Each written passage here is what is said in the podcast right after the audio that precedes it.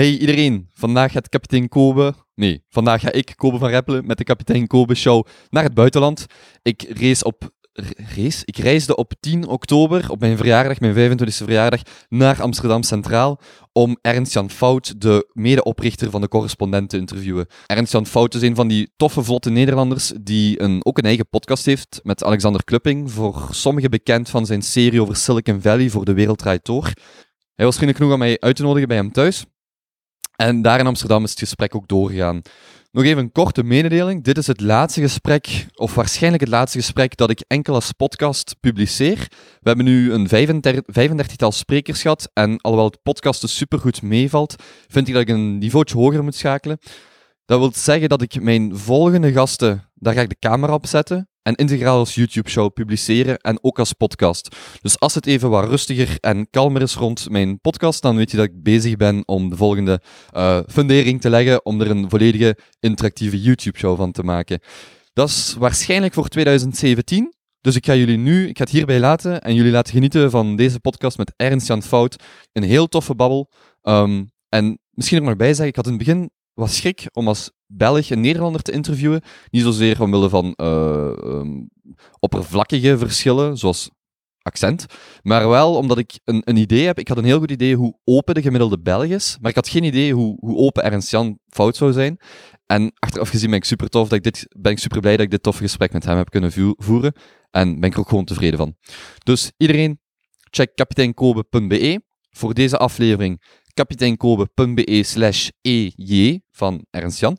Voor alle links, informatie, tricks en YouTube filmpjes en wat dan ook. Een dikke merci, veel luisterplezier en tot de volgende. Ernst Jan Fout, goedemiddag. Goedendag. Ik ga beginnen met u te bedanken om mij, om mij uit te nodigen hier uh, en om tijd voor mij vrij te maken om uh, met mij in gesprek te gaan. Voor de mensen die geen idee hebben wie Ernst-Jan Fout is, uh, ga ik u om te beginnen vragen, wie bent u, wat doet u en waar komt de gemiddelde Belg of Nederlander u tegen? Oké, nou, ik ben dus Ernst-Jan Fout, 30 jaar, woon in Amsterdam, uh, medeoprichter en uitgever van de Correspondent. Dat is een dagelijks medicijn tegen de waan van de dag. En nou, ik denk dat dat ook is waar de mensen me van kennen, als ze me kennen. Zowel in Nederland als in België, want we hebben ook daar veel leden. En uh, ik heb een vriendin en een zoon van één jaar. Kan u iets vertellen over de plek waar we vandaag zitten? Uh, bij mij thuis op de bank. Um, uh, in Amsterdam op de De Klerkstraat. en ik woon hier vier jaar. Een heerlijke plek. Ja. Het ziet hier heel gezellig uit en een, geïnspireerd door Scandinavische interieurs. Ik denk dat het wel, ja, dat, die, dat dressoir ziet er wel redelijk Scandinavisch uit, hè? Ja. ja, mag ik dat zo zeggen? Ja, denk het wel. Ja. We hebben niet tegen elkaar gezegd, kom schat, laten we een Scandinavisch interieur maken, maar het is denk ik zo uh, gegroeid. De mensen kunnen dat natuurlijk niet zien, maar hier staat een, uh, een heel mooie collectie van, uh, um, weet dat dan, horens van rendieren. Ja, herten. Ja, ja herten ja. Gewei, of ja. geweien. Is daar een specifieke reden voor? Nou, toen ik 17 was, heb ik daar een keer eentje gekocht in Italië. En uh, dan gebeuren er twee dingen. Ten eerste is, als je dan op een rommelmarkt bent, dan heb je zo'n excuus om te denken van, nou, dan zoek ik naar gewijtjes. Dat maakt het een beetje draaglijk. En als je er eenmaal een paar hebt hangen, dan gaan mensen zo cadeau doen. Dus die meest rechter heb ik gekregen van mijn zusje toen uh, mijn zoon geboren werd. En uh, nou ja, de, zo, zo groeit, groeit de collectie een beetje. Mm -hmm. Ik heb ze niet zelf geschoten. Ah, ja. Okay. U zei net, medeoprichter, uh, staat mee aan het hoofd van uh, de correspondent. U heeft een, een heel tof en uitgebreid traject al begon, uh, afgelegd. Ik zou willen beginnen helemaal bij het begin. U bent niet opgegroeid in Amsterdam? Nee, in Alfa aan de Rijn. Waar ligt dat ongeveer? drie kwartier van Amsterdam, naar het zuiden, het zuidwesten. Niet heel, ik vond het niet een heel leuke plek om op te groeien. het, een beetje, het is een beetje een saai stadje. Dus ik ben om mijn achttiende daar weg verhuisd. Uh, naar Amsterdam toe. Mm -hmm. Wat maakt het saai? Omdat het zo klein was? Of wat maakt Amsterdam dan veel interessanter? Ja, Amsterdam is, vond ik toen altijd... Uh, ik, mijn ouders namen me daar vaak mee naartoe in het weekend. En ik vond dat gewoon de meest spannende plek. Daar gebeurde het meest. Daar uh, ja, heb je de meeste cultuur. Dus daar wilde ik gewoon heen. Ik ben wel een stadsmens. Mm -hmm. Is het typischer Nederlands om, om op je achttiende echt te vertrekken thuis en, en naar de grote stad te gaan? Ja, als je gaat studeren is het normaal dat je op kamers gaat. Uh, tenminste, dat doen de meeste mensen. En ik, ik vond het toch wel behoorlijk irritant om elke dag uh, nou ja, twee, twee uur in een trein te zitten of zo, uh, van deur tot deur. Dus ik wilde eigenlijk zo snel mogelijk naar de stad, ook omdat je dan gewoon los van je ouders bent en echt kan beginnen aan het volgende hoofdstuk in je leven. En dat vonden mijn ouders ook, die hebben me geholpen. Dus, die zeiden van, ga maar. Okay, ja. ja. U, u, kwam dan naar Amsterdam. Waar heeft u gestudeerd? Of waar heeft u gestudeerd? aan de Universiteit van Amsterdam. Dus mijn studiekeuze ging eigenlijk als volgt. Ik dacht, ik wil naar Amsterdam. Nou, dan wil ik naar de Universiteit van Amsterdam, want die is midden in de stad. En toen dacht ik... Omdat die midden in de stad was? Ja, ik dacht, ik wil niet aan de snelweg zitten of zo, zoals de Vrije Universiteit. En toen dacht ik, vervolgens ben ik de studie afgelopen en uh, ik wilde altijd wel de journalistiek of de media in. Dus toen heb ik communicatiewetenschap gekozen. Mm -hmm. En uh, daar heb ik dus mijn bachelor van gedaan. Veel aan gehad. Hm. Niet zozeer uh, op academische wijze, maar wel qua, qua ja, carrière. En mijn vriendin heb ik ontmoet. En, zou je het dan ook direct opnieuw doen? Als 18 jaar naar Amsterdam komen en... Ik zou wel een andere studie kiezen, denk ik. Ik denk dat ik uh, ja, misschien geschiedenis of Nederlands of Engels zou gaan studeren. Mm -hmm. Hoe kwam dan die studiekeuze toen tot stand? Hoe kwam je dan bij, bij communicatie als, als nou, eigenlijk, specialisatie? Eigenlijk zo simpel als ik het net zei. Dus uh, ik had gewoon een lijstje van de UvA voor me en ik dacht communicatiewetenschap sluit het beste aan op dat moment bij mijn interesses. Maar ik denk nu uh, dat, dat je niet per se een journalistieke studie hoeft te studeren om, om de journalistiek in te gaan. Dat het misschien ook wel handig is, of misschien zelfs beter om um, in ieder geval daarnaast ook een uh, wat bredere studie te doen. Werd het toen, was het vroeger toen wel duidelijk dat u journalist wou worden of binnen de journalistiek wou gaan werken?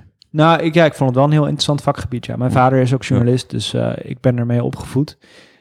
ik wilde sowieso iets van, van de media of communicatie in. Mm -hmm. Voor uw ouders, maakt het dan ook niet uit wat u ging studeren? Was geen druk van, vanuit hun kant om iets nee, specifieks te gaan studeren? Nee, totaal niet. Nee, ja, okay. gelukkig niet. Ook niet toen ik stopte uh, en geen bachelor ging doen, vonden ze misschien wel spannend, maar uh, hebben ze nooit uh, moeilijk over gedaan. Ja. Over uw ouders? Ik ken u nu van de correspondent en de manier waarop u schrijft. Heel vrij, heel, zoals, zoals jullie slagzin zelf is, het medicijn tegen de waan van de dag. Hoe zou u dat doortrekken? Of hoe kan u dat terug haal uit uw opvoeding. Hoe kan u, kan u daar iets over vertellen? Met welke waarden, normen u bent opgevoed en hoe dat, dat vandaag de dag uw werk beïnvloedt en ook bijvoorbeeld uw studiekeuze heeft beïnvloed?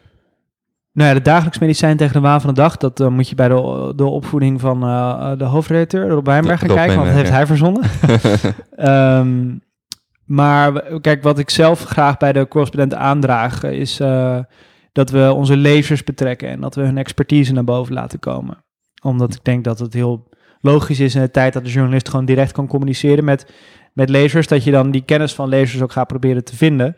Want ja, zij weten samen veel meer dan één correspondent bijvoorbeeld. En ik, ik, ik vermoed, ik zou het niet te veel willen psycholo psychologiseren, maar ik denk dat als je uit de journalistengezin komt, en waar mensen altijd kijken, waar je altijd kijkt naar, uh, naar nieuwsgierig bent, naar, naar wat mensen weten, wat ze hebben meegemaakt, dat ik uit, vanuit die um, achtergrond graag vragen stel en graag met mensen praat over hun expertise. Mm -hmm.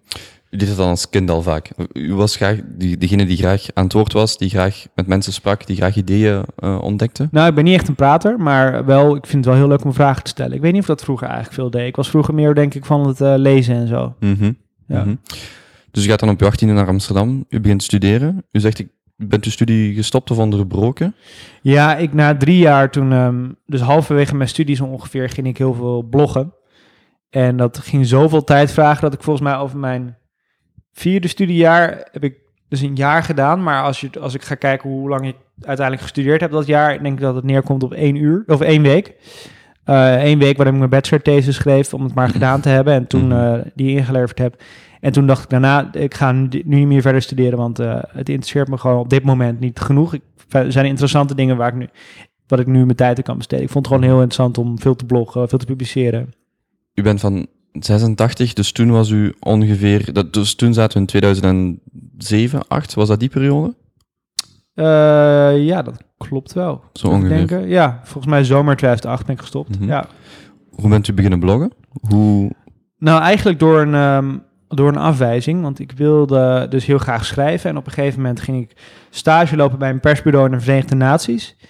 En toen dacht ik, dit is het moment om te gaan, uh, te gaan schrijven voor een journalistiek medium. Dus toen heb ik mijn favoriete krant aangeschreven, NRC Next. Met de opmerking, nou, ik ga naar, um, Ik ga naar New York, ik ga naar de VN. Willen jullie dat ik daar als een soort freelance correspondent voor jullie ga schrijven? En toen zeiden zij meteen, en natuurlijk ook terecht, binnen een half uur van nee bedankt. zijn we niet naar op zoek. Eh, we hebben daar al een correspondent. Uh, dus toen dacht ik, nou, ik kreeg nog een paar afwijzingen van andere kranten. Dus toen dacht ik, nou, fuck it. Dan begin ik gewoon mijn eigen soort van krant. Een blog. En die noemde ik het Spotlight Effect. Dat is een, een theorie uit sociale psychologie, dat je je eigen zichtbaarheid overschat. Mhm. Dus dat vond ik wel een toepasselijke naam voor een, voor een blog. Omdat er op dat moment nou ja, elke dag duizenden blogs werden opgericht. En ik ging er eigenlijk schrijven over hoe je, ja, hoe je journalist kunt worden. Wat, wat mijn, mijn, mijn zoektocht ging daar eigenlijk vastleggen. Op zo'n manier dat het niet... Dat ik niet zei van, nou, vandaag heb ik eh, eh, in de VN-kantine geschreven. Maar meer dat Mhm. ik probeerde te schrijven op een manier dat het interessant was, ook voor mensen die me niet kenden. Dus ik ging bijvoorbeeld in eh, New York alle Nederlandse correspondenten interviewen over hoe zij een carrière hadden gemaakt. En U, u deed het toen wel onder eigen naam, niet anoniem. onder eigen naam. Onder ja. eigen naam, ja, Ja. ja. volledig. En zo, ja, zo rolde ik eigenlijk blog in. En dat ging, eigenlijk, dat ging best wel goed en ik had heel veel plezier. En toen na een jaar bloggen ging ik voor de Next Web schrijven. Zij begonnen een blog en ik was daar de eerste hoofdredacteur van, zo gezegd. En ehm, nou, dat was, dat was fantastisch. Toen kon ik de hele wereld over reizen naar Silicon Valley. Al die bedrijven beschrijven die, die nu Dat was toen ook uw, zijn. uw fulltime werk. Ja, Toen ook, ja, ja. Voor, voor de Next Web bent u dan fulltime in dienst gegaan. ja, het was een soort freelance constructie, maar Ja, het kostte maar wel- ging wel al bijna ja. allemaal tijd aan op. Hoe bent u, of voor de Next Web, want ik, ik ken het ook maar alleen sinds, sinds een paar jaar, niet echt de- begindagen, 2008 en die periode. Is het niet begonnen als een blog? Nee, het is begonnen als conferentie. Ja, oké. Ehm, En dan hebben ze gezegd, we gaan, we gaan daar ook een website rondbouwen met een, of een community rondbouwen waar dat die blog een deel van uitmaakt. Precies, ja, Boris Veldhuis van Zandt en Patrick de Leve, die, die samen de Next Step hadden, Mhm. hadden volgens mij twee of drie edities georganiseerd van die conferenties. Het was een enorm succes. Uh, maar ze merkten dat tussen die conferenties door was er eigenlijk was er geen gesprek meer over wat er gebeurd was. Terwijl daaromheen er hele interessante gesprekken werden gevoerd. Ja. Dus ze dachten, laten we die conversatie gewoon een jaar lang faciliteren door een blog te beginnen, zodat mensen door kunnen blijven praten. En toen hebben ze mij aangenomen als eerste blogger. Mhm. De reden waarom u dan überhaupt bent beginnen bloggen had met de Verenigde Naties in New York te maken. Hoe bent u daar terechtgekomen? Oh, stom geluk. Ehm, het was een, eh, ik volgde een bachelor, bachelor seminar bij Piet Bakker. Eh, de, krantenprofessor. Wat is een bachelor seminar? Dat is, Oh, dat is een vak? Ja, een vak dat je Ah, tijdens je bachelor volgt. En volgens mij, ik weet niet meer precies meer wat het was, maar volgens mij waren het altijd de moeilijkste vakken. Dat, dan gingen ze dus opeens seminars noemen. Ik weet ook niet meer precies waarom. Maar eh, anyhow, ik... eh, Piet Bakker was daar de, de docent. En dat is, die staat bekend als de krantenprofessor. Dat is degene die alle de oplages goed in de gaten houdt. En we moesten voor hem een paper schrijven over, over kranten. En dat heb ik volgens mij over brand extension geschreven. In ieder geval, ehm, toen die papers werden uitgedeeld, hadden dat een soort strikte policy. Als er tikfouten in zaten, als spelfouten in zaten, na zoveel spelfouten gaf hij meer terug en keek hij hem niet na. En ik denk dat, dat de meeste studiegenoten een eh beetje zware tijd hadden, want bijna alle papers werden teruggegeven van eh werk er nog maar verder aan. Eh, maar die van mij gelukkig niet. En ehm, toen, eh, toen zei hij, eh, nou, dit was het einde van het seminar, laten we nog wat gaan drinken. En ik stond te vroeg op, dus hij zei, jij komt toch zeker ook, Ernst-Jan? Ehm, die twee ingrediënten, dus iedereen die boos was dat ze hun, eh, dat ze hun eh, paper had teruggekregen, plus dat ik als enige persoonlijk was aangesproken van jij komt toch ook, zorgde ervoor dat ik dus even later als enige met hem een borrel zat te drinken. Mhm. En toen hadden we het dus over, hadden we het over New York en toen zei hij, nou, ik kan je denk ik wel aan een stage daar helpen en zodoende. Dus gewoon stom geluk. Dus u wist op voorhand niet dat hij die connecties of dat netwerk had. Dat was echt puur Ja. omdat u toevallig dan bij hem op dat moment zat en hij zegt, ik heb iets voor u. En zo kwam dat dan. Ja, en ik was ook niet echt een ambitieuze student daarvoor. Ik, toen ik naar New York ging en eh, kwam ik terug als een hyperambitieus mannetje, maar daarvoor was ik gewoon, ja, een klassieke luis. En was, was New York dan een stage binnen uw opleiding? Of was dat er buiten? Ja, ja. Hoe lang zat u daar? Eh, vier maanden. Was de Verenigde Naties toevallig omdat dat binnen zijn netwerk of binnen de mogelijkheden zat? Of was dat ook een, een idealistische keuze dan? Eh, nee, het eerlijke antwoord is gewoon dat, dat hij een persbureau daar kende. Dat wel, overigens was dat wel, dat was wel een idealistisch persbureau, dat sprak me er wel in aan. Eh, namelijk, zij schreven, eh, zij probeerden altijd met lokale journalisten te werken. Dus ze, hadden, zij vonden dat, dat, dat de nieuwsmedia een, een westerse dominantie had. Nou, terecht natuurlijk. Mhm. Dus als er dan bijvoorbeeld in Rwanda wat gebeurde, dan werd daar gewoon een Amerikaanse of Nederlandse Een- journalist een heen gestuurd. journalist naartoe Ja. gestuurd. Ja. In plaats van dat een uh, Rwandese journalist daar eh, verslag van zou doen. En zij probeerden dat netwerk op te zetten. Dat lokale journalisten schrijven over wat er in hun land gebeurt voor een wereldwijd publiek. Dus dat vond ik heel interessant. Maar de Verenigde Naties was dan de opdracht waar rond u moest schrijven, of de of, of hoe zat dat dan? Want u werkte dan zogezegd voor dat persbureau? Ja, ja, en die hadden dan op de persvloer van de VN hadden ze een kantoortje. En dan moest je elke dag naar Ja, de oké. eh, press, press briefing van de Secretary-General. En eh, Hoe oud was u toen dan? 21, ja, net 22? 21. Lijkt me wel een fantastische ervaring voor een, voor een jonge gast van 21 om dan in New York. Ja, achteraf was Ja. ik wel een tikkie jonger, want ik zag eruit alsof ik 16 was. dus, eh, maar ik, ik, ik heb er wel heel veel aan gehad, ja. En dan bent u teruggekomen en dan eigenlijk direct beginnen werken dan voor de Next Web? Of dan was dat een van Ja. de volgende stappen? Ja, de next step daarna. En toen deed ik dat een jaar en toen belde NRC Next met de vraag of ik eh, misschien voor hen een blog wilde beginnen. En was dat toen dezelfde persoon dan, of hetzelfde team dat u eerder had afgewezen? Eh, ja, ja. Herinnerde die zich dan nog? Eh, ik heb wel die mail laten zien. ja. Oké. Dus van, van, van de VN naar de Next Web naar NRC Next. Voor mensen, of ik denk de gemiddelde Vlaming die niet zoveel Nederlandse kranten ziet, hoe was, of is NRC op dit moment aangeschreven? nou, NRC, Of, of hoe, zou u, hoe, hoe zou u die job beschrijven? Hoe zou u die zo correct mogelijk beschrijven, maar wel in, in functie van de uitdaging die er lag? nou, NRC Handelsblad is dus een beetje de paper of record van Nederland. Weet je, de krant van de, van de instituties, van de elite. Ehm, en die had, dat is een, een avondkrant. En zij hadden in 2006, denk ik, een ochtendkrant uitgebracht gericht op eh, twintigers. Een papieren ochter, Ja, ochtendkrant. NRC Next. En toen ik daar ging werken, was dat echt eh, ja, een enorm hippe, interessante krant. Stond hoog aangeschreven, had uit het niets hadden ze volgens mij 80.000 eh, abonnees. Dus dat was echt een succesverhaal. Er kwam ook elke dag, elke paar dagen kwam er weer een, een delegatie uit het buitenland kijken hoe ze dat voor elkaar hadden gekregen. Next dan, NRC Next. Ja, Ja, ja. Ehm, en, maar NRC Next deed alleen maar wat met papier. En ze realiseerden zich ook wel, eh, er is ook zoiets als het internet. Mhm. We hebben het nu over 2009, begin 2009. Dus ze wilden daar graag een nieuwsblog beginnen. En kwamen toen bij mij uit. En toen heb ik samen met Taria Verkade, die nu overigens ook bij de correspondent werkt, eh, de NRC Next blog opgericht. En u was er dan als hoofdredacteur, zo gezegd? Nee, gewoon als blogger. Als blogger, Ja. ja. En later werd ik eh, eh, chef internet Hm. van NRC Handelsblad. Dus u bent eigenlijk weggegaan bij de Next Web, waar u denk ik heel veel vrijheid had, dan Ja. zeker in het begin, om dan naar NRC Next te gaan als, en als blogger te beginnen. in Ja, daar, daar had ik op zich ook wel veel vrijheid. Het was, de, de overweging voor mij was, kijk, de Next Web was echt, echt heel... Ik zeg achteraf wel eens van, ik ruil de KLM in voor de NS. Want ik met, met eh, eh, de KLM is de vliegmaatschappij Mhm. van Nederland. Daar vloog ik de hele wereld mee over om voor de Next Web te schrijven. Terwijl NRC Next zat in een afschuwelijk gebouw eh, aan de snelweg bij Rotterdam ergens. Wat een uur reizen was voor mij op zijn minst. Dus het was niet een heel aantrekkelijk aanbod in die zin. Maar wat het me heel erg aansprak is dat, en, dat in die tijd was het gewoon echt ja, kwaliteitsjournalistiek of was gewoon niet te vinden online in Nederland. Mhm. Dus je had alleen maar copy-paste sites die persbureaus naschreven. Maar je had niet, als, wat, als bijvoorbeeld dat in China gebeurde, dan had de NRC een bureaudirecteur die daar al heel lang over schreef, die het hele land door en door kende, en een correspondent ter plaatse. Maar die, die verslaggeving, die was niet online te vinden toen. Dus dan moest je echt een papieren krant verkopen. Met als gevolg dat mijn generatie gewoon geen goede journalistiek onder ogen kreeg. Behalve dan die NRC Next lezers. Ehm, dus ik wilde ervoor zorgen dat, dat meer van die journalistiek beschikbaar werd voor mijn leeftijdsgenoten. En op die uitdaging dacht ik, oké, ik ga nu NRC Next doen. Mhm.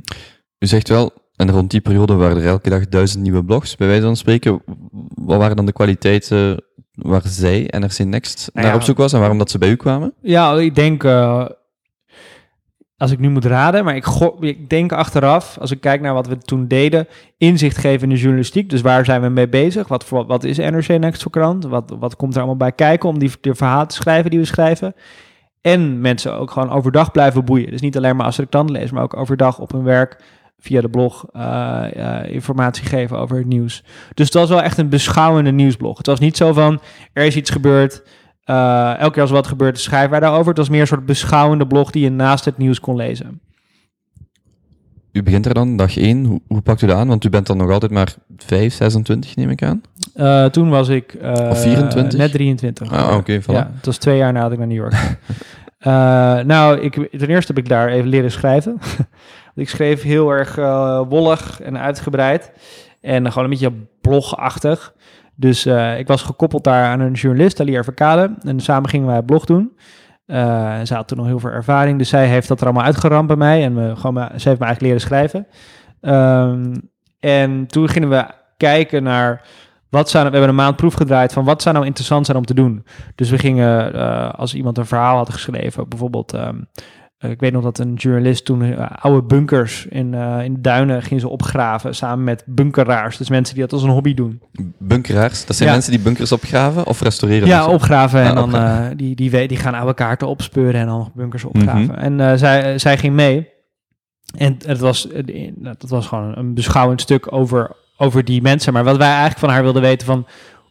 Hoe uh, kwam je op dit idee? Was het eng om te doen? En dat soort beschouwende stukken kwamen er dus bij. Met linkjes naar de, de, de sites van de bunkeraars. Als je er meer over wilde weten. En nog het extra foto's en materiaal. Dus aan de ene kant deden we dat. Uh, laten zien waar de journalisten mee bezig waren. Als we bijvoorbeeld een dilemma hadden. Zoals Thalia had de OV-chipkaart. Dat is een kaart waarmee je in heel Nederland voor het OV kan, voor het openbaar vervoer kan betalen had ze een manier gevonden om, die om, om ervoor te zorgen dat je minder hoefde te betalen dan je gereisd had. En zij dacht, zet het nu aan tot oplichting. Nou, die discussie voerden we dan op het blog. Dat aan de ene kant. En aan de andere kant, uh, als er iets in het nieuws gebeurde, dan linkten we altijd naar het beste interview of een interessant, interessant filmpje erover. Dus dat was een soort lees-kijkwijzer bij het nieuws ook. Mm -hmm. En hoe was dat toen? Was dat één blogpost per dag? Of, of... Een vijf, denk ik. Ah ja, oké. Okay. Ja. Dus, uh, dus er werd wel, werd wel van in het begin veel geblogd en, en veel content naar buiten gebracht. Ja, en korte stukjes. Ja. Volgens mij hadden we als, soort, als een stijlregel in het begin niet meer dan 300 woorden per blogpost. Ah ja, oké. Okay. Hoe lang bent u dan bij, bij NRC gebleven? Vier, vier jaar. Mm -hmm. uh, dus eerst anderhalf jaar als blogger bij Next. Toen kwam er een heel nieuwe directie, een nieuwe hoofdredacteur, een nieuwe uitgever. Um, en toen zochten ze ook een nieuwe hoofd van de internetredactie. En toen heb ik daarna gesolliciteerd. En tot mijn grote verbazing kreeg ik die baan, ook al was ik nog maar 24. Uh, en rond die tijd werd Rob Wijnberg, dus die nu de hoofdredacteur en oprichter van de correspondent is, werd hoofdredacteur van NRC Next.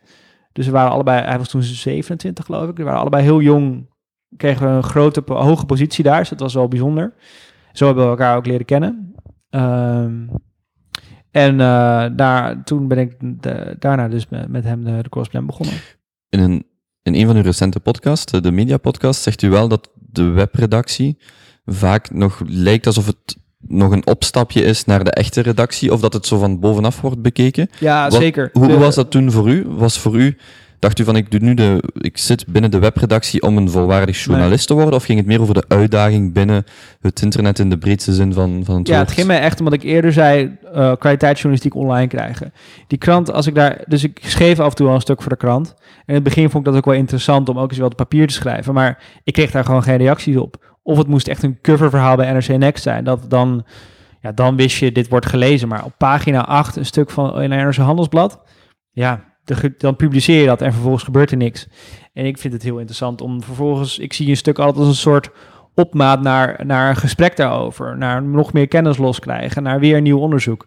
En, en in die zin vind ik ook voor papierschrijven niet zo interessant, omdat je bijvoorbeeld altijd alles opnieuw moet uitleggen. Je kan nooit linken naar eerder werk, je Ja. kan nooit voortbouwen. Je kan altijd maar, je moet je altijd maar richten tot één, ja, soort van abstracte lezer. Die, er, je kan niet geen onderverdeling maken in kennisniveaus. Dus wat je op het web wel kan. Hè. Op een gegeven moment kan je zeggen, nou, ik schrijf nu wat meer expertise-achtig stuk voor de mensen die, die er ook wat vanaf weten en meelezen, zodat we even de diepte in kunnen gaan en dan uiteindelijk daardoor weer nieuwe informatie uit kunnen halen die we naar alle lezers sturen. De krant richt je maar op één vage, abstracte doelgroep. Dus ik vond dat, dat papier niet, niet heel interessant, maar ik was wel daarmee een zeldzaamheid bij NRC. Dus toen ik daar hoofd van de internetredactie werd, hebben we de hele internetredactie is ongeveer vernieuwd. En allemaal mensen gezocht die ook geloofden in het web. En ook daarin geïnteresseerd waren. En de mensen die het als een wachtbankje gebruikten om bij de echte redactie te komen. ehm, eh, ja, die, daar, daar, hoefde ik niet mee samen te werken. Dat Mhm. leek me niet goed voor de krant en voor de journalistiek. Hoe groot was uw team toen? Eh, volgens mij elf mensen. 24 jaar, 11 mensen in uw team. Hoe- ging dat? Hoe verliep dat? Eh, Als, nou, Vanuit een le- leidinggevend perspectief of kader? Nou, we, dat ging best wel goed. We waren gewoon een soort roversbende. Dus het was een vrij platte...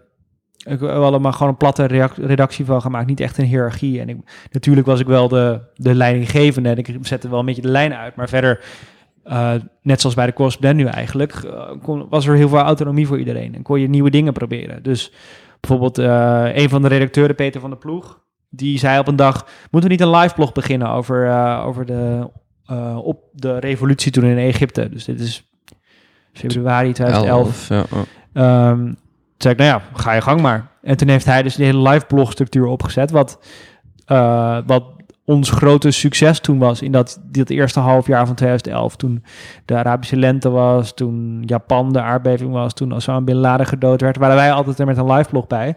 En zo groeiden we in no time uit tot de grootste, nou niet de grootste, maar wel een van de meest interessante nieuwsites en verdubbelden ons bezoek. Kan u uw stijl beschrijven als leidinggevende? Eh, heel veel, ja, ik denk heel veel autonomie. Dus je werkt met mensen. Deed u ook zelf de aanwervingen bijvoorbeeld? Of was dat dan Ja, een aparte ja, dienst? zeker, Ah, ja, ja. oké. ja. Nee, dat, dat eh, ja, absoluut. Eh, en dat was ook wel een voorwaarde dat ik wel mijn eigen team kon samenstellen. Dat ik niet werd opgescheept met een clubje mensen die ehm, zat te wachten tot ze voor de krant mochten schrijven. Ehm, en nu, nou, ik denk dat mijn stijl ja, veel vrijheid is, veel vertrouwen in de mensen met wie ik werk. Ehm, en eh, ja, zelf hen veel laten uitvinden. Mensen worden heel gelukkig van autonomie.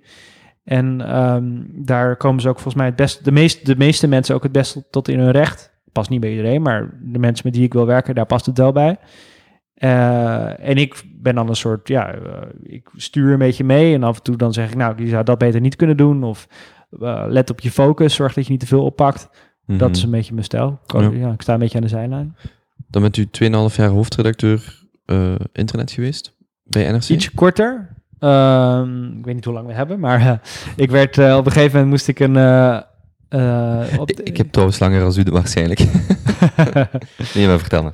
ik, ik had een du- duidelijk doel voor 2011 gekregen, namelijk het bezoek moest verdubbelen en we moesten break-even draaien. En, de, En, en ehm, als u zegt bezoek verdubbelen, oké, dat kan iedereen zich voorstellen. Break-even draaien, hoe ver zaten jullie van break-even? Of hoe groot was dan die... volgens mij werd er werd toen ik daar begon, samen met, die, die, met de uitgever toen daar van de site, was er iets van bijna een miljoen verlies. Op jaarbasis. Ja, ehm, en dat hebben, dat hebben we best wel snel weten om te vormen. Dat we veel meer bezoek kregen, veel meer advertenties verkochten, veel efficiënter inkochten. De ICT-kosten eh, heel erg naar beneden lieten gaan, omdat we gewoon met WordPress gingen werken in plaats van met een of ander peperduur systeem. Dus dat ging wel vrij snel. En eh, toen halverwege het jaar dan kunnen die financiële mensen al uitrekenen van dit komt helemaal goed. Dus toen werd ik bij de, ehm, bij de directie en de eh, president-commissaris van NRC geroepen met eh, de opdracht van nou, die site loopt, wat ga je nu doen? En toen wilde ik een project beginnen, wat, waar eigenlijk nu, wat nu ook heel erg in de correspondent zit, namelijk het uitgangspunt, 3000 huisartsen die de, kos- die de NRC lezen, weten meer dan één medisch journalist. Dus laten we die kennis van die 3000 huisartsen naar boven krijgen. Eh, maar dat project dat verliep voor geen door allerlei interne politiek gedoe. Eh, dus ik ben iets korter eh, chef geweest, want ik ging dat project doen en het project strandde. En toen werd Rob ook uit zijn functie ontheven bij NRC Next. En toen zei hij, laten we de correspondent beginnen. En toen ben ik daar mee gaan doen. Hoe lang zijn, zijn jullie dan bezig geweest tussen de beide ontslagen, of het beide verhaal van NRC was voor jullie afgelopen? Hoe lang heeft het dan geduurd tot de correspondent eh Na Rob's, eh, na, nadat Rob daar uit zijn functie ontheven werd, eh, dat was volgens mij september 2012. Dus, en we zijn gelanceerd in maart 2013. Ik weet nog wel dat hij volgens mij drie dagen na zijn ontslag hebben we koffie gedronken en zei hij, nou, laten we iets nieuws gaan doen. Dus eh, hij, was op, had er meteen weer zin in. En eh, in maart 2013 zijn we toen gelanceerd. Dus een halfjaartje.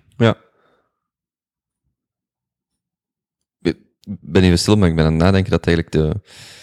de- We hebben er vooral eens gesproken en de, de manier, of zo lijkt het, waarop media in Nederland op dit moment, en Amsterdam misschien, eh, als extrapolatie, hoe, hoe dat hier initiatieven groeien, dat wil daarom niet zeggen dat dat bij ons of in België minder is. Dat is eigenlijk fantastisch, dat, dat een, media, een medium gelijk de correspondent, ehm, eigenlijk op, op een goed half jaar van, van hey, we gaan iets doen, naar eh, hey, hier hebben we een, volledig nieuw model wat Ja, dat is het een jaar. Kijk, na een half jaar hadden we een crowdfunding. En na, weer een half jaar later lanceerden we. Dus van ontslag Rob tot echt lancering van volwaardige correspondent zat een jaar. Dan nog, hè, dat jullie eigenlijk een, een... Innovatief is een woord dat veel te vaak gebruikt wordt voor niks, maar dat jullie een nieuw platform starten, wat dan uiteindelijk drie jaar later heel succesvol blijkt. Vanuit journalistiek standpunt sowieso. Ik weet natuurlijk jullie financiële kant niet. Ehm Gaat ook heel lekker. 60.000 eh, leden? Eh, nee, bijna 48.000. Ja. En we hebben nu ook eh, een succesvolle boekenuitgeverij. Dus we staan nu in de bestsellerlijst met een privacyboek. En we hebben een sprekersbureau, dus daar halen we onze omzet uit. En die omzet gaat allemaal meteen weer terug in de organisatie. En dus we blijven heel erg groeien. Hoe heet jullie eh, uitgeverij nu? Ook de correspondent. Ah ja, oké. dus, dus, dus het blijft allemaal onder de naam van de Ja. correspondent. Ja, het is gewoon een compleet uitgeefhuis. En de, de, de sprekers die jullie aanbrengen, zijn dat dan de eigen journalisten? Of? Ja, de correspondent zelf. Ja, oké. dus de correspondenten die dan een lezing gaan geven, of gelijk een Rutger eh, die, die een boek schrijft, Ja. eh, die dat dan mee kan gaan pre- presenteren, bijvoorbeeld. Ja. Precies. Jullie beginnen dan met de correspondent, of, of, of het idee komt samen, jullie zitten daar op de koffie. Wisten jullie toen al, echt, die richting gaan we uit en we willen een dergelijk ledenmodel, want we willen niet afhankelijk zijn van invloed A, B en C? Of, of hoe is de correspondent dan überhaupt tot stand gekomen? Nou, Rob, kijk, Rob was de, grote aanjager. Zonder Rob was de correspondent er nooit geweest. Eh, die wilde meteen een nieuw medium beginnen. En hoe hij toen voor zich zag, kijk, hij had bij NRC Next altijd geprobeerd dat dagelijks medicijn van de waan dag voor de waan van de dag al te zijn. Maar werd daar, nou, uiteindelijk zorgde dat ervoor dat hij daar niet meer aan, eh, dat hij daar niet meer kon blijven, omdat bijvoorbeeld op Prinsjesdag, als de eh, Nederlandse regering de financiën presenteren en eh, koning met een gouden koets door de, door de stad rijdt, toen nog koningin, ehm, dan, ehm, ja, dan hoor je daarover te schrijven als krant. Terwijl hij had volgens mij een verhaal over, Euro ja, over vluchtelingen in Europa, nu het grootste verhaal natuurlijk is, op de voorpagina gezet. En dat, dat was de druppel voor, eh, voor de hoofdredactie van NRC Handelsblad, geloof ik. Ehm, dus hij, wil, hij zocht gewoon naar een manier om dat alsnog te doen. Dus hij wil, eh, volgens mij, de- toen we dronken een kop koffie en hij zei: Ik wil een grote groep journalisten bij elkaar. ehm, en dan gaan we dat gewoon doen. Hij en was, met een crowdfunding. hij was toen vooral een sterk journalist. En, u, en hoe vulden jullie elkaar dan aan? Hoe kwamen jullie dan samen? Nou, hij was, een, eh, eh, hij was een hele goede hoofdredacteur van NRC Next. En heel goed in een krant maken. En heel goed in het bedenken van wat zou, wat zou de rol van nieuws moeten zijn. Hoe kunnen we nieuws opnieuw uitvinden. Hij had een grote schade volgers. had een paar filosofische bestsellers geschreven. Dus hij was echt eh, een beetje de, de journalistieke powerhouse. En ik ehm, was natuurlijk heel erg met, met online bezig. En wist hoe je interactie met lezers moest hebben. Hoe je kennis bij lezers los kan krijgen. Hoe je eh, überhaupt een product kan maken dat lezers interesseert. Eh, dus dat vulden we bij elkaar aan. Eh, wat we nog misten was de, de, ja, de, hoe zet je het goed technologisch op? Eh, en hoe, hoe zet je het in een markt als een, als een merk? Daar hebben we toen eh, Harold Dunnik en Sebastian Kerst eh, gevonden. Eh, zij hebben samen een bureau, Momkai, en met z'n vier hebben we dit dus toen opgericht. Ehm, ja, dat, wat was je vraag? Oh, hoe elkaar aanvallen. Ja, op hoe die dat- manier dus. De Ja. complementariteit van, van het volledige team dan, van Ja. de vier, de vier co-founders in dit geval. Ja. Die crowdfunding campagne, ehm, was die noodzakelijk, als u daarop terugkijkt, was dat de enige mogelijkheid die er was om, om, om van start te gaan op dat Ja. moment? Ja. Dat niet u had bijvoorbeeld niet kunnen... Waar jullie begonnen met, ehm, kijk, we beginnen gewoon te schrijven, zoals een blogger, gratis, uit, uit idealisme of wat dan ook, en we gaan dan leden Ja, verzamelen. dat, werkt, dat, werkt, dat, kan, dat kan werken, maar dat is zoveel ehm, lastiger. Want dan heb je dus eigenlijk geld nodig vooraf. En wat, kijk, wat nu heel, wat eh, bevrijdend is om van de correspondent nu, is dat we alleen maar onze lezers verantwoording hoeven af te leggen. We zijn helemaal afhankelijk van onze lezers. En dat is heerlijk, want daardoor kunnen we ervoor zorgen dat het ons enige doel is hen zo goed mogelijk informeren. Van zo groot mogelijke waarde zijn in hun leven.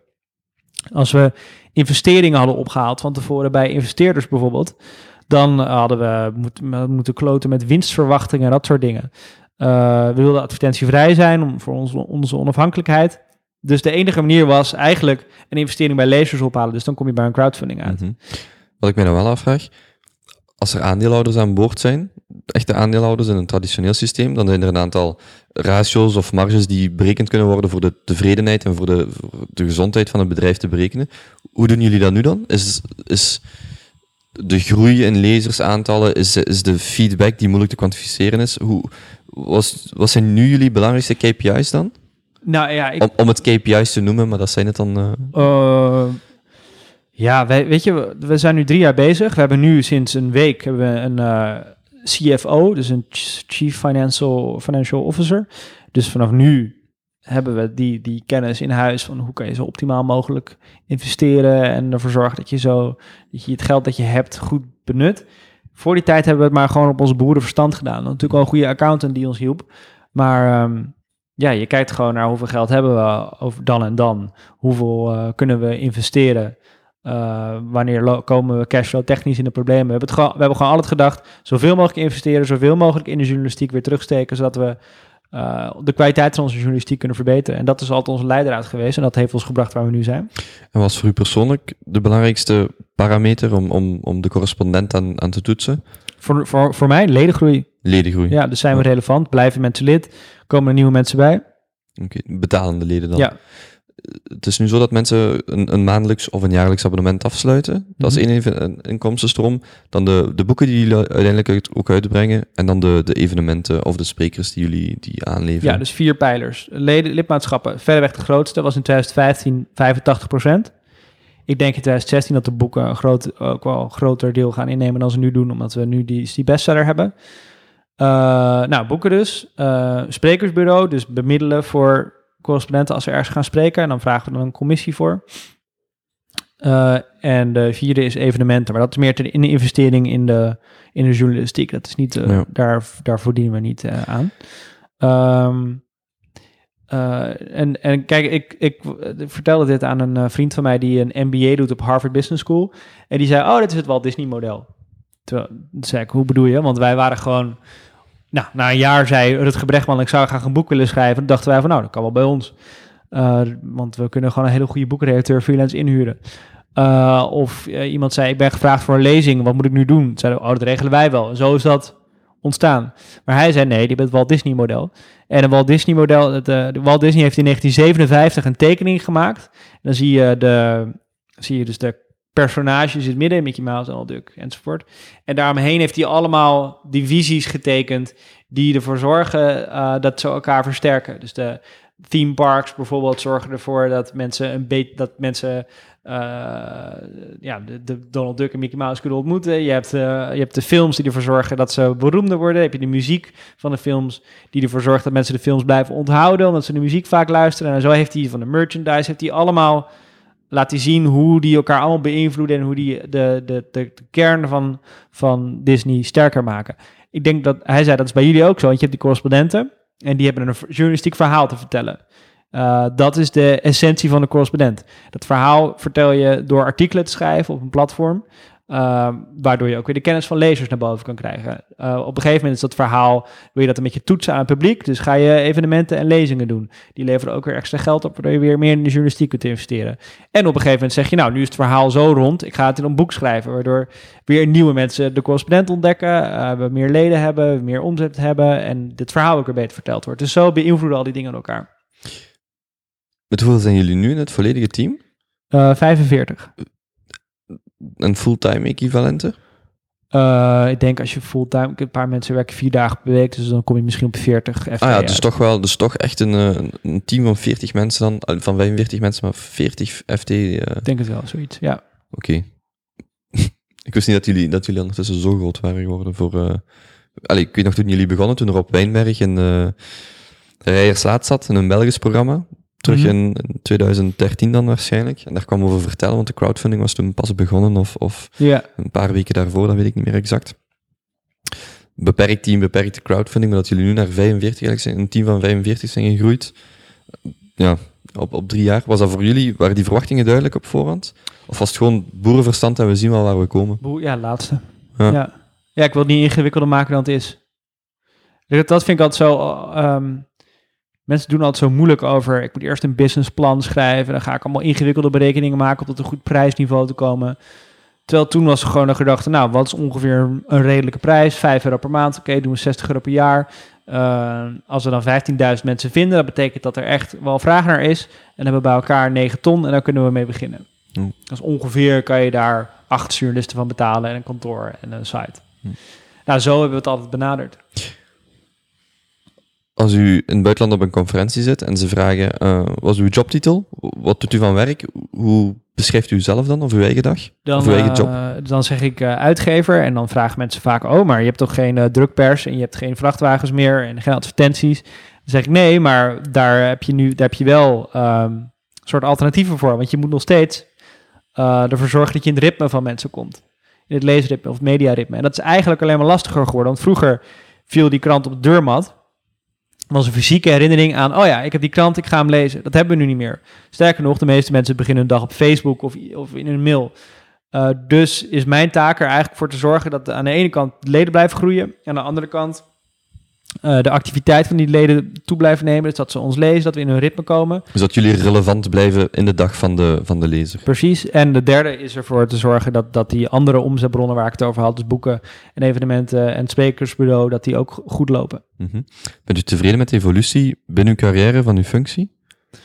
Uh, ja, ik, ik heb het nu enorm naar mijn zin, dus dat lijkt me de belangrijkste indicator. Mm -hmm. ja.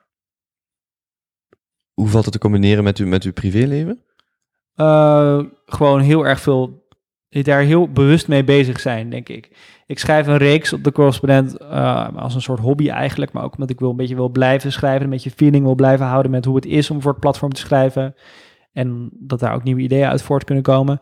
Schrijf ik een reeks over zelfverbetering, over hoe je gelukkig kunt zijn in de prestatiemaatschappij. En dat doe ik ook deels voor mezelf, om ervoor te zorgen dat, je, dat ik niet me laat opslokken door door uh, de hele dag met iemand te checken bijvoorbeeld. Of altijd opgejaagd te zijn en niet tevreden te zijn. Dus ik doe het door bijvoorbeeld... Ik heb vrijwel geen push notificaties. Um, alleen maar uh, mijn gewoon WhatsApp en dat soort dingen. En verder, daar heb ik ook nog heel veel dingen op mute staan. Verder, ik heb geen mail op mijn telefoon, geen Facebook, geen Twitter, geen Slack. Uh, dat check ik alleen maar als ik achter mijn laptop zit en echt een doel ermee heb.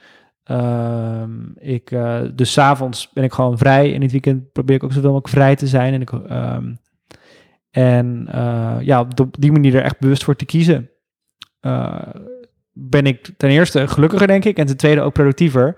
Omdat ik uh, veel meer energie heb en daar veel beter op het echt werk kan richten. Waar, we, waar je mee wat waarde toevoegt. In plaats van dat je een beetje eindeloos met elkaar aan het slekken en mailen bent. De meeste dingen kunnen wel wachten tot maandagochtend. U heeft ook een. dus, dus thuis is thuis, werk is werk. Ja. ja. En natuurlijk ben ik wel eens een avond weg om te werken. Nou, weet ik veel, één avond per week of twee. Maar als ik thuis ben, dan is het gewoon klaar. Ja, ja.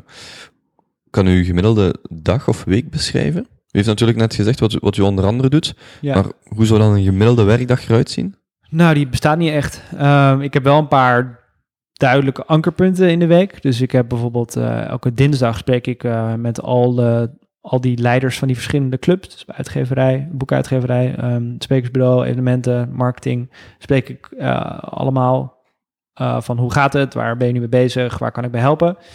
Uh, op, en op donderdag hebben we altijd een grote, een grote uh, vergadering met de, iedereen die zich bezighoudt met ledenactiviteit en ledenwerving. Team Growth noemen we dat.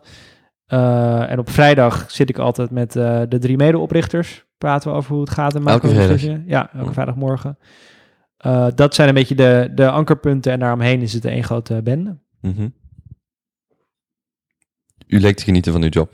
Zeker, u, ja. Bent u een tevreden man ook? Bent u een gelukkig ja. man? Ja. Als u vrije tijd dan heeft, waar komt u tot rust? Uh, nou, ik heb geen tv zoals je ziet. Uh, dus dat, ik uh, keek veel, veel te veel naar series, vond ik zelf. En dan vloog de tijd voorbij. Dus ik probeer nu um, te lezen, met mijn vriendin naar de kroeg te gaan. We hebben dus zo'n wifi babyphone, dus we kunnen elke avond op pad. Een, een wifi babyphone? Ja, dat is de beste uitvinding voor ouders, denk ik. Uh, ik kwam er pas na een half jaar achter dat die dingen bestonden. Maar eigenlijk moet je dat meteen weten. Dan kan je op je telefoon, kan je, uh, kan je, uh, dus je legt een telefoon in de kamer van je kind en daar heb je een app op en je hebt een app op je eigen telefoon en dan kan je altijd zien wat er gebeurt of horen wat er gebeurt. Die camera gebruik ik niet. Maar als hij geluid maakt, dan hoor ik dat. Wat hij gelukkig bijna nooit doet s'nachts. Um, dus dan kan je hier prima op de hoek, ik woon in een straat met heel veel kroegjes, prima op de hoek in de kroeg gaan zitten. En als er dan wat is, dan kan ik naar huis. Nou, dat is in een jaar één keer gebeurd, dus is ideaal. Ik dacht dat dat verloren zou gaan als je een kind hebt, maar gelukkig niet. dus tot rust komen is voor u een deel familie, een deel weg van, van alles wat verbonden is. Op, op welke manier dan Ja, ook. zeker. Ja. ja. Ik wil gewoon, als ik vrije tijd heb, zo min mogelijk schermen in mijn leven. Mm -hmm. Ik kijk al genoeg naar een scherm. U zei in het begin, of, of, of ik wist van u dat u dat in uw opvoeding of, of dat u eigenlijk altijd ook in uw carrière alles mocht, alles kon. Uh, of dat u heel veel vrijheid, vrijheid had, ik zal het zo zeggen. Ook bijvoorbeeld in uw werk in het begin. Uh, dat in uw opvoeding... eh, Nou, wat vooral is, mijn ouders hadden niet zo van die verwachtingen van dit moet je gaan doen. Ja. Dus ze hebben mij daarin vrijgelaten. Ja, dus ik het- ben verder wel gewoon... Er waren er genoeg beperkingen in mijn opvoeding, maar, maar dat was gewoon... eh, Ja. hoe, hoe probeert u dat door te trekken in de opvoeding van uw eigen zoon? Hij is één, dus nog niet echt. maar ik ga niet... eh, ja, ik hoop dat ik niet, dat ik niet zo'n vader word. Dat weet je natuurlijk nooit hoe je wordt. Maar ik hoop niet dat ik zo'n vader word die zegt van... eh, nou, ik vind dat je dit en dit moet gaan doen. Ehm, dus van mij mag hij gaan doen wat hij wil. En dat is natuurlijk veel makkelijker gezegd dan gedaan. Want stel dat hij, weet ik veel, stel dat hij voor eh, Shell wil gaan werken, dan ben ik benieuwd of ik nog steeds zeg. Maar dat is wel het streven. Hij moet dat zelf ontdekken. En ik wil hem gewoon eh, heel veel. eh, het belangrijkste wat je hem volgens mij, wat een kind volgens mij kan geven, is gewoon heel veel liefde en, en gidsing. En dat wil ik gaan proberen te doen. U schrijft ook over zelfverbetering. Hoe bewust was de keuze dan om kinderen te hebben? Ja, ik- volgens mij, ja, niet, niet de grote, volgens mij de grote beslissingen in het leven die, ehm, ik probeer daar niet te veel, ik probeer dat niet te analytisch te be- benaderen. Het is gewoon, als het op dat moment goed voelt, timing is sowieso altijd slecht, dan eh, moet je het maar gewoon doen. En zo is het eigenlijk ook gegaan. Komt er nog een tweede aan? Geen idee. Als het goed voelt. Wie weet, ja. Ehm, ik heb u al wat vragen gesteld over, over de correspondent, over eh, uw carrière tot nu toe. Ehm, waar ligt voor u zelf de toekomst? Over vijf of tien jaar of, of, of nog verder? Hoe bekijkt u dat? Nou, Of hoe benadert u uw toekomst en hoe vult u dat dan in?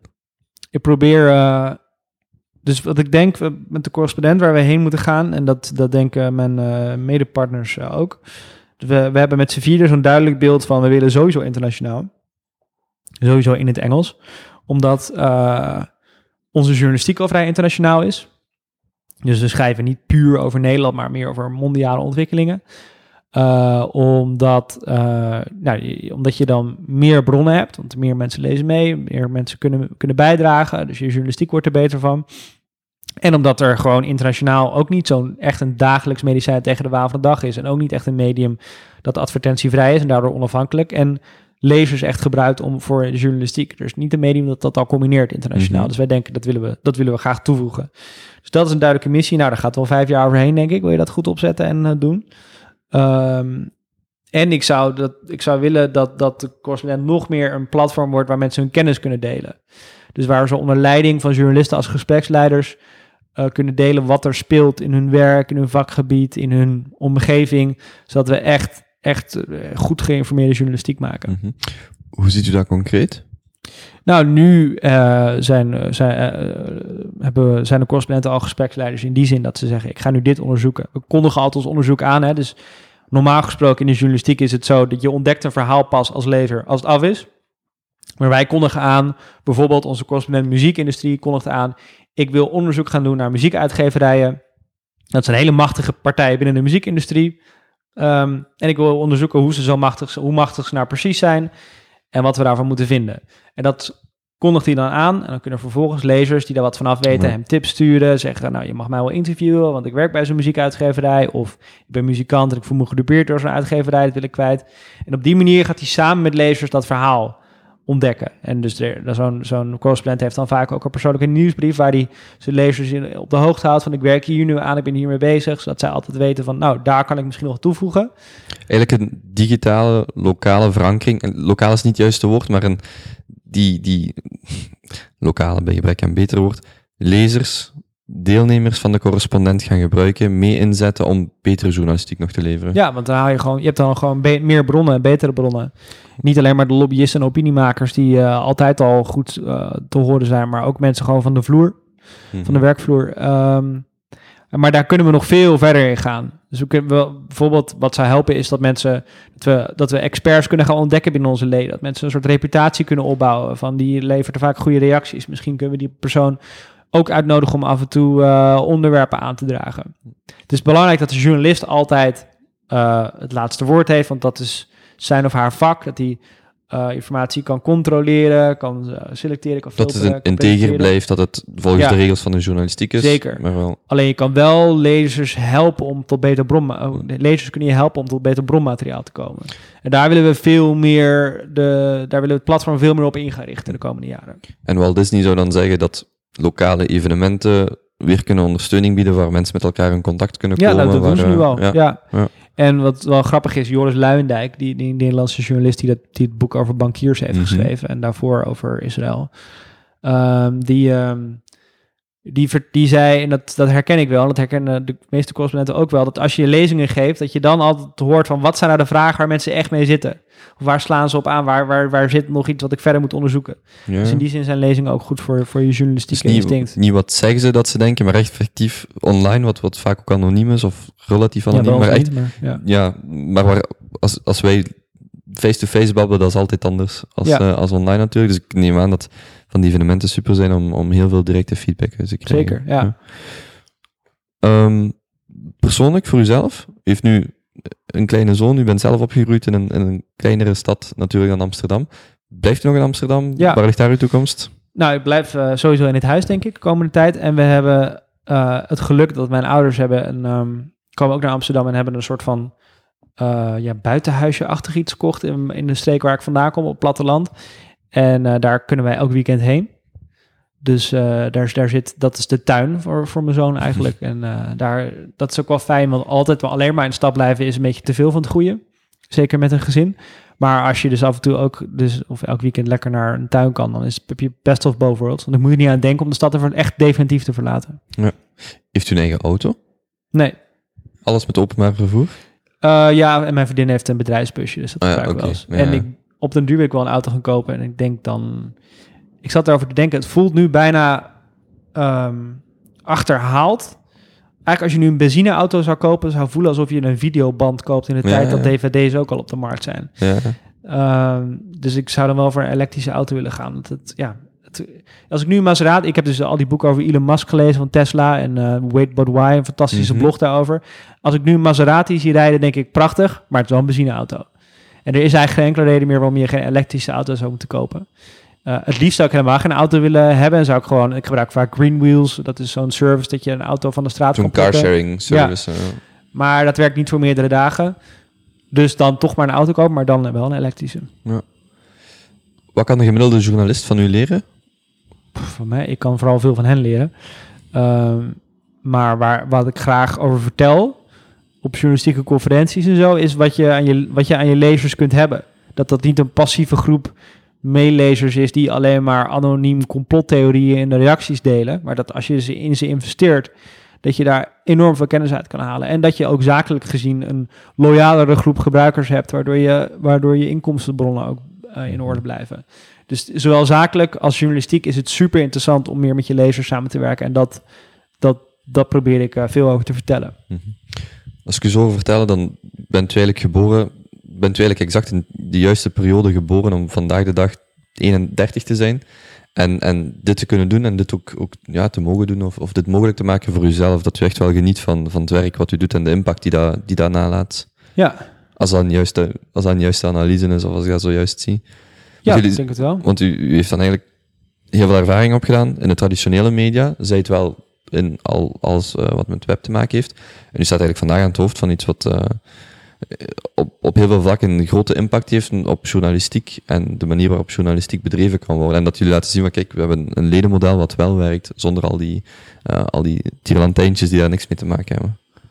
Ja, dat is allemaal heel, echt heel mooi samengekomen. Als u. ehm, ik heb u net gevraagd wat kan de gemiddelde journalist van u leren. Ik wou eigenlijk ook vragen wat kan de gemiddelde ondernemer van u leren, maar daar heeft u, daar heeft u ook eh, zakelijk op geantwoord.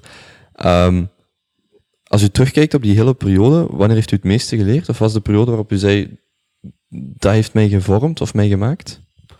Ehm, ja, ik denk dat van elke periode die ik beschreven heb, dat ik heel veel geleerd heb.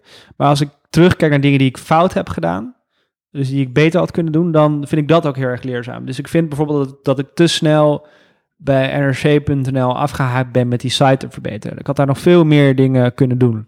Maar mijn aandachtspannen was toen eh, ja, die van een 24-jarige, waardoor ik al snel iets nieuws wilde doen. Achteraf zou ik zeggen, probeer dat helemaal goed te doen, helemaal goed op te zetten, jezelf overbodig te maken en ga dan door.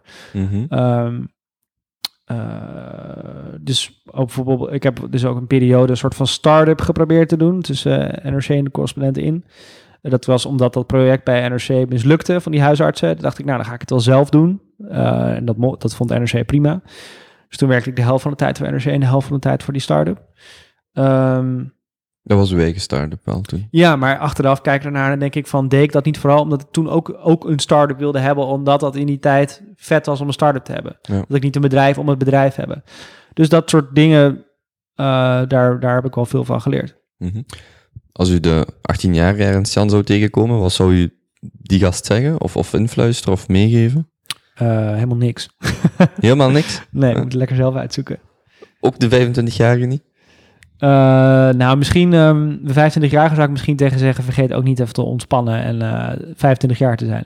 Want ik heb wel achteraf gezien best wel eh, stevig gewerkt en weinig onbekommerde tijd gehad. In, zoals je die eigenlijk wel hoort te hebben in je studententijd en zo. Dus dat is Mhm. misschien een beetje zonde. Mhm. Hoe herinnert u uzelf daar nu aan? Eh, nou, door heel erg bewust voor, voor eh, ontspanning te kiezen en door niet, eh, door niet te denken van je, je werk is je leven, maar ook als je thuis komt, s'avonds, dan heb je nog steeds, ligt er nog steeds een dagdeel voor je.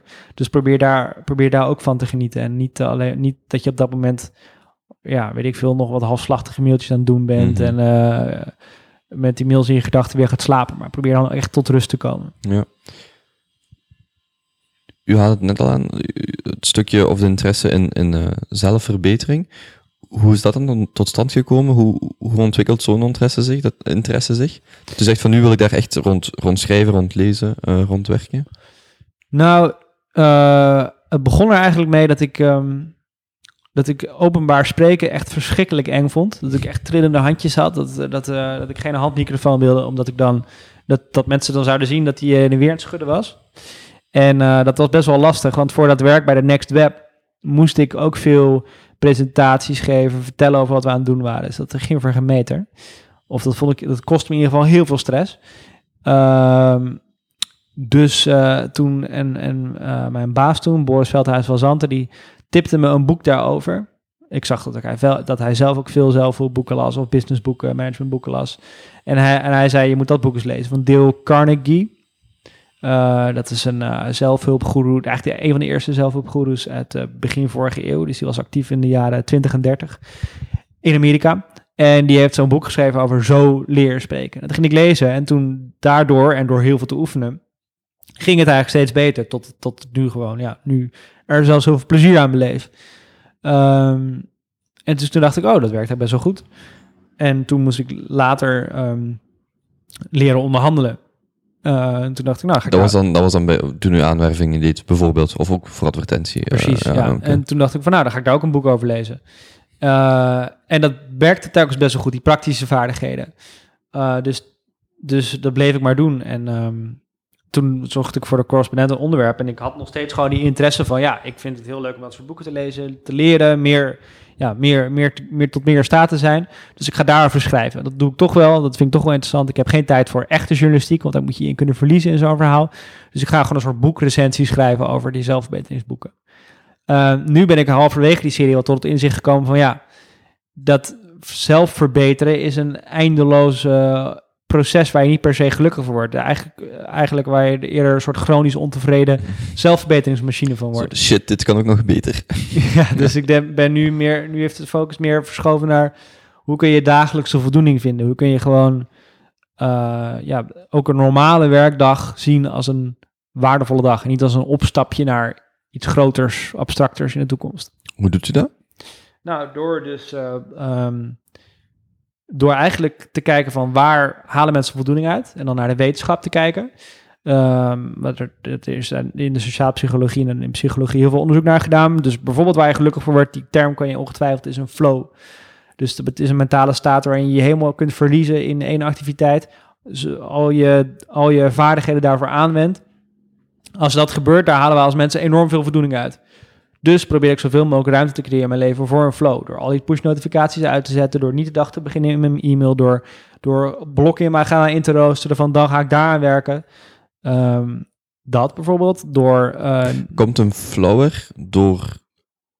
Ik denk dat ik het antwoord al weet, maar komt die er door hem in te plannen en rust te hebben, of komt die er door de onderbrekingen uit te schakelen? Door de onderbrekingen vooral uit te schakelen, ja. Ja, want kijk, als jij als jij begint aan een, van ik ga dit artikel schrijven en, en je hebt je telefoon gewoon op een normale manier ingesteld en dan komt een mention op Twitter binnen, dan kost het je weer 20 minuten om terug te komen in die concentratie die je had. Dus dat is eigenlijk Ja, moest hier nu de hele tijd een gsm afgaan, dan, eh, Ja. dan zou het ook niet, zou het ook veel moeilijker zijn bijvoorbeeld. Of, een- of ja, om je überhaupt te concentreren. Precies. En, ehm, en wat, wat, me, wat me daar ook zorgen over baart, is dat je altijd, als je altijd maar uit je concentratie gehaald wordt en, en ook weer niet de tijd hebt om erin te komen, dan lever je ook werk af wat niet zo goed zou of zo waardevol zou kunnen zijn als het zou kunnen zijn als je daar al je of zoveel mogelijk van je denkvermogen aan zou kunnen wijden. Dus ik denk, ik heb daar toevallig dan een goed boek over gelezen, het Deep Work. En het gaat over hoe zeldzaam het wordt Van wie? van Cal Newport, een Amerikaanse computerwetenschapper, hoe zeldzaam het wordt, hoe, hoe zeldzaam concentratie eigenlijk wordt. En dat we, dat, dus dat, dat we in onze maatschappij niet aan diep werk werken. Dus dat noemt hij, diep werk noemt hij werk waar je dus de staat van flow bereikt, waar je al je cognitieve vaardigheden voor nodig hebt. Maar veel meer bezig zijn met logistiek werk.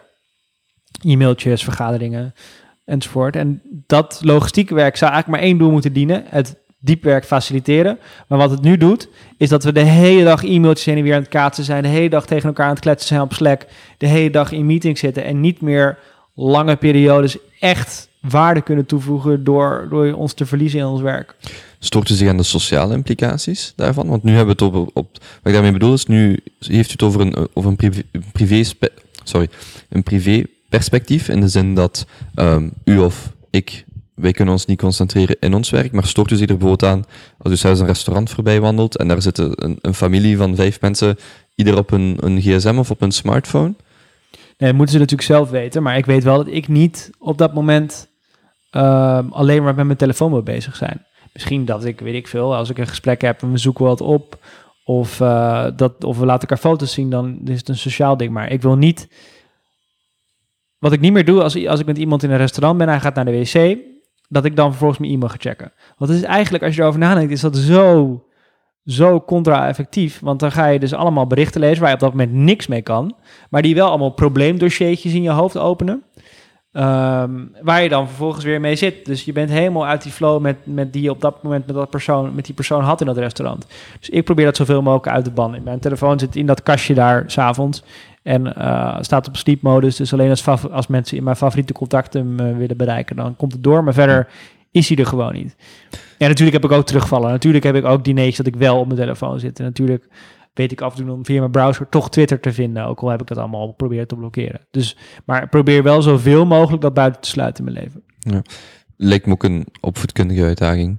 Om, om kinderen van vandaag Ja, daar kijk ik niet naar uit, naar dat eh, moment dat hij eh, een telefoon wil en zo. Dat lijkt me zo ingewikkeld. Eh, ja, dus dat, dat is nog wel even... Ik denk dat het nog even verwijderd is dat mijn zoon aan een telefoon wil. Maar Mhm. ja, maar god, ik zou niet weten... Hoe ga je daar op een goede manier mee om? Ik benijd eh, de ouders die daar nu mee bezig zijn niet.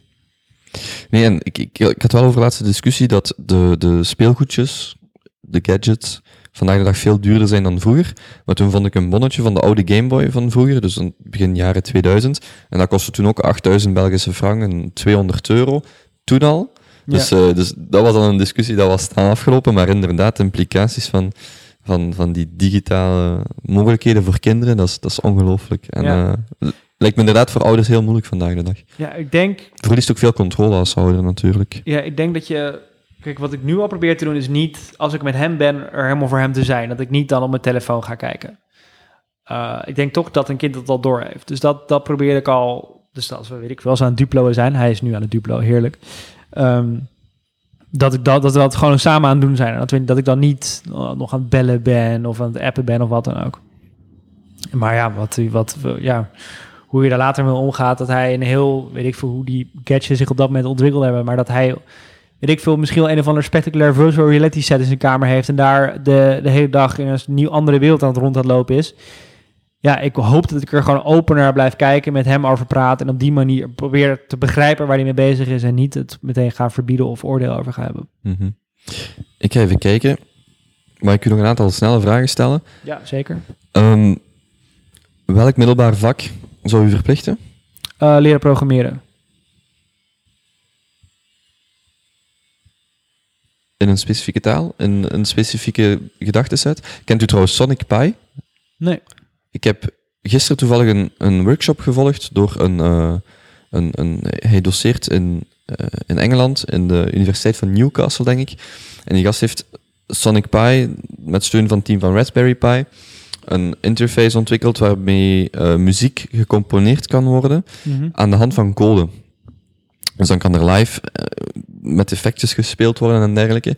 En zijn uitleg was, of, of zijn idee is dat zowel kinderen spelenderwijs de, ehm, de basis van, van programmeren meekrijgen, maar dat er ook een, een echt een serieuze componerende, eh, een componerend aspect aan is. Oh, klinkt heel Dus vet. Sonic Pi echt zeker, dan zeker, yes, dan heb ik u iets kunnen aanraden.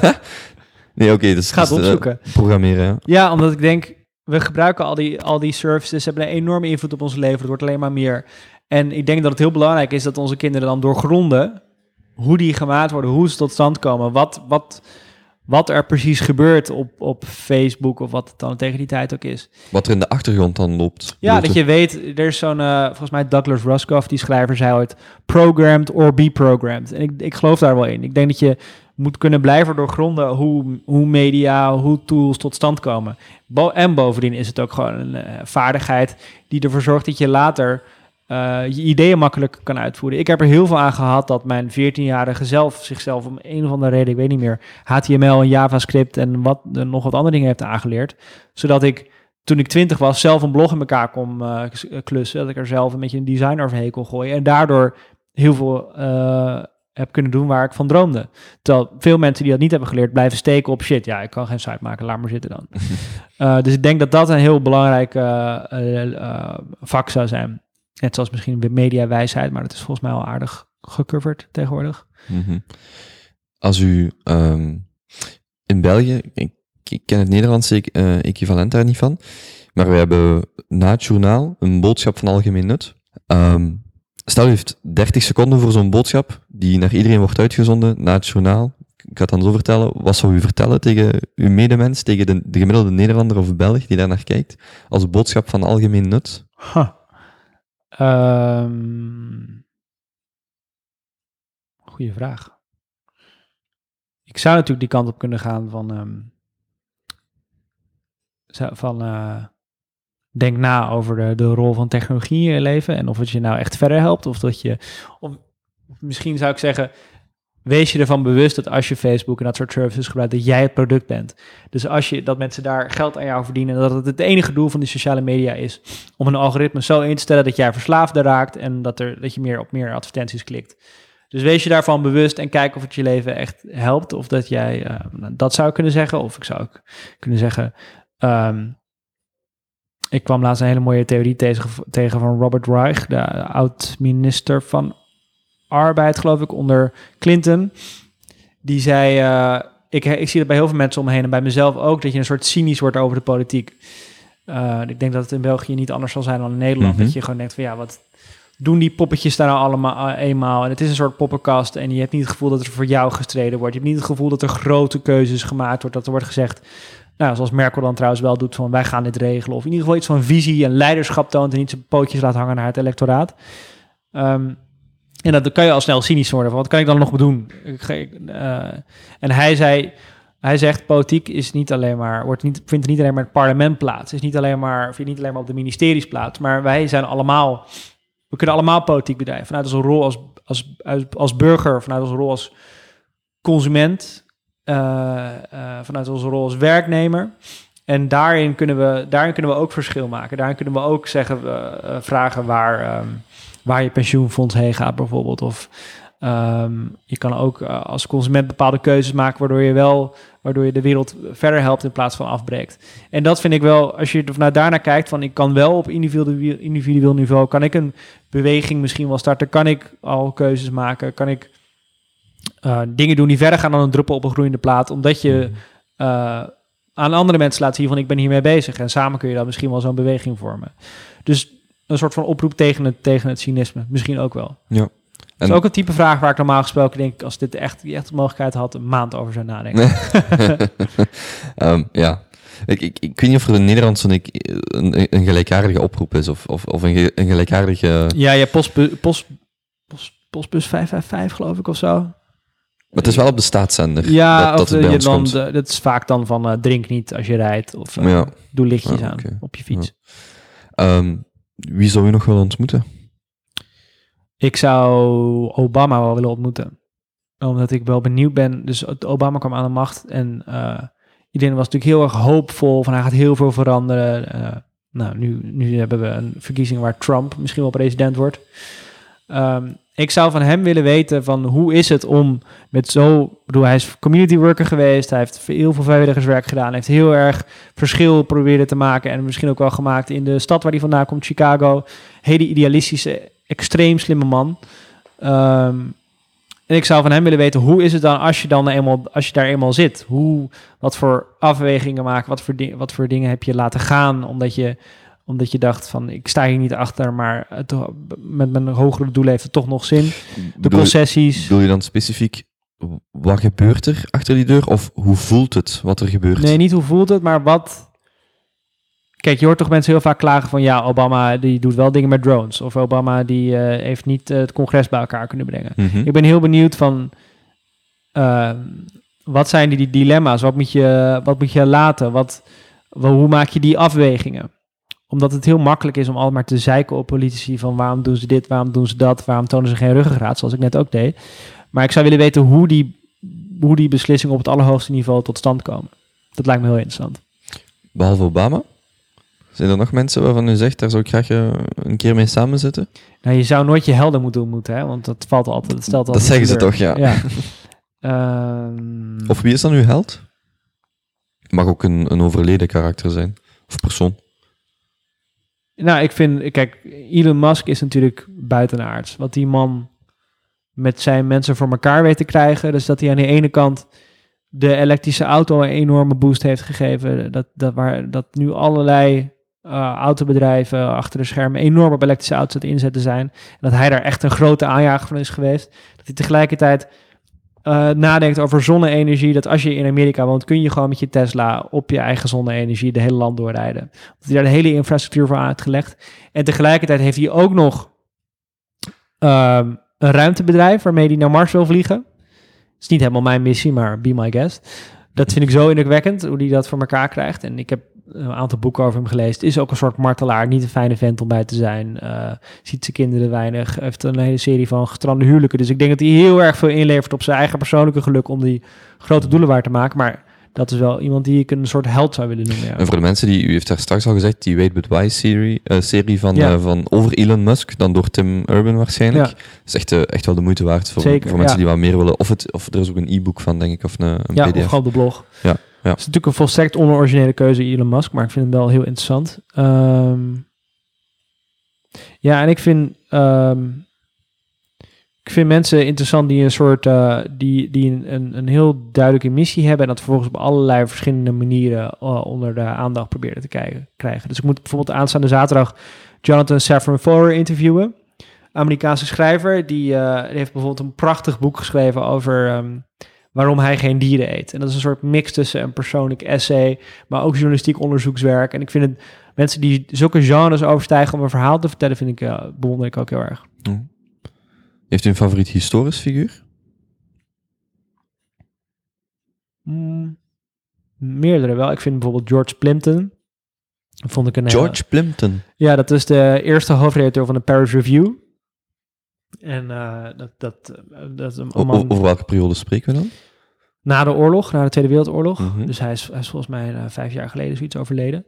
Hij was de eerste hoofdredacteur van de Paris Review. Heeft, die, heeft dat tijdschrift heel belangrijk gemaakt. Organiseerde daar allemaal feesten omheen. Dus maar zorgde er echt voor dat het een rol ook in het sociale leven van al die schrijvers innam.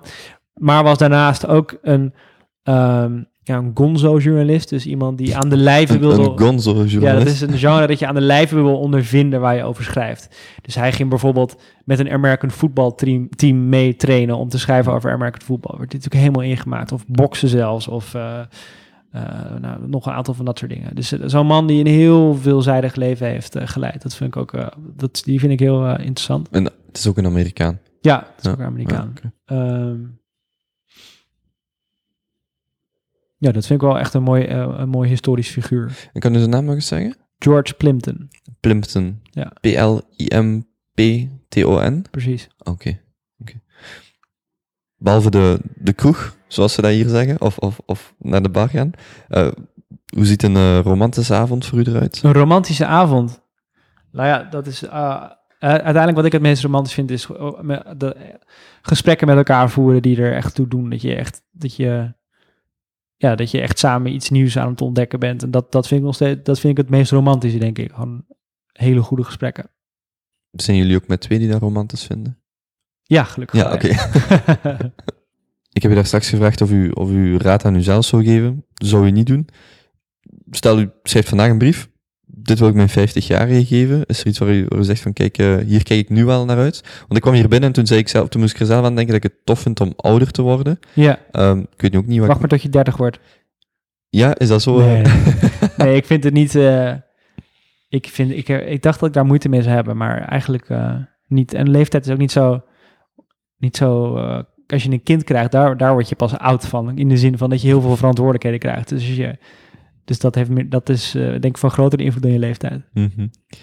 Is er nog iets wat, u, wat ik niet gevraagd heb, wat u nou aan het hart ligt, waar- waarvan u zegt, kijk, dat, daar had ik nog graag iets over gezegd of, of verteld? eh, Eh, Ernst Jan, wat is een mooie roman. dat was dan eigenlijk nog een vraag die, die ik wou gaan stellen. Maar Echt? Nou, kijk, ik, wel, deze in gedachten. Wel, ik wou vragen, was nog een, een, een startpunt om mensen die zeggen van, kijk, ik vind het een tof gesprek, ik vind het wel leuk waar dat die man mee bezig is. Welk, het zou een documentaire kunnen zijn, een boek, wat dan ook, wat u, wat u iedereen zou aanraden. Maar als u zegt, als u zelf de vraag stelt, wat is een mooie roman, dan zal ik hem u stellen. Wat vindt u, wat vindt u een mooie roman? Ehm, ik vind eh, bijvoorbeeld Bellamy van Guy de Maupassant vind ik een heel mooi boek. Dat is een boek volgens mij uit de 19e eeuw over een provinciaal eh, oud afgezwaaide legerofficier of soldaat die naar Parijs gaat en daar de stad wil veroveren via de journalistiek. Ehm, tenminste, de journalistiek is dan de carrière die hij kiest, maar eigenlijk verovert hij de stad via vrouwen van machtige mannen. Het is een enorm, het is een heel mooi boek over, de leeg, over hoe leeg ambitie kan zijn. En hoe vernietigend kan zijn, het kan zijn. En ehm, volgens mij le- leven we nu in een maatschappij, de prestatiemaatschappij, waar je altijd maar ambitieus moet zijn om het ambitieus moet zijn. En dit boek laat heel mooi de leegte daarvan zien. Eh, en tegelijkertijd is het ook gewoon een lekker, het leest ook gewoon lekker weg. En het is een prachtige tijd, de Belle Époque. En waar mensen in salons samenkomen, waar alles heel netjes aan de buitenkant lijkt, maar heel vies is. Is er een Van- Nederlandse vertaling? Of Zeker. u- ah ja, Ja. oké. Oké, en onder dezelfde titel dan, Bellamy? Eh, ik hoop het wel, ja. Mm, Misschien is er een mooie vriend van gemaakt, maar ik denk Ja. het niet. Ik ga het eens opzoeken. En San, ik ga u hartelijk bedanken. Eh, ik wil uw tijd respecteren, dus bedankt voor dit gesprek. Ehm, waar kunnen mensen u online vinden? Eh decorrespondent.nl slash Ernst Jan Fout. Of gewoon op Twitter. En ik schrijf ook een media nieuwsbrief of een nieuwsbrief over innovatie in de media. Die stuur ik elke zaterdagmorgen langs. Nieuwsbrief.media. Ja. Ingeven in de browser en dan, dan komen ze vanzelf eh, op uw website waar ze zich kunnen inschrijven. Ja. En de naam ga ik er nog eens volledig bij schrijven, want ik neem aan dat voor de gemiddelde Nederlander fout niet zo gek klinkt, maar voor de Oh, voor Nederlanders ook. Ah, voor Nederlanders ja, ook. het is een Ah, ja. Duitse naam van oorsprong. Ah ja, oké, voilà. Dan nogmaals hartelijk bedankt en eh, nog heel veel succes in de toekomst. En eh, ja, wie weet tot op een van de evenementen van eh, de correspondent, misschien zelfs in België.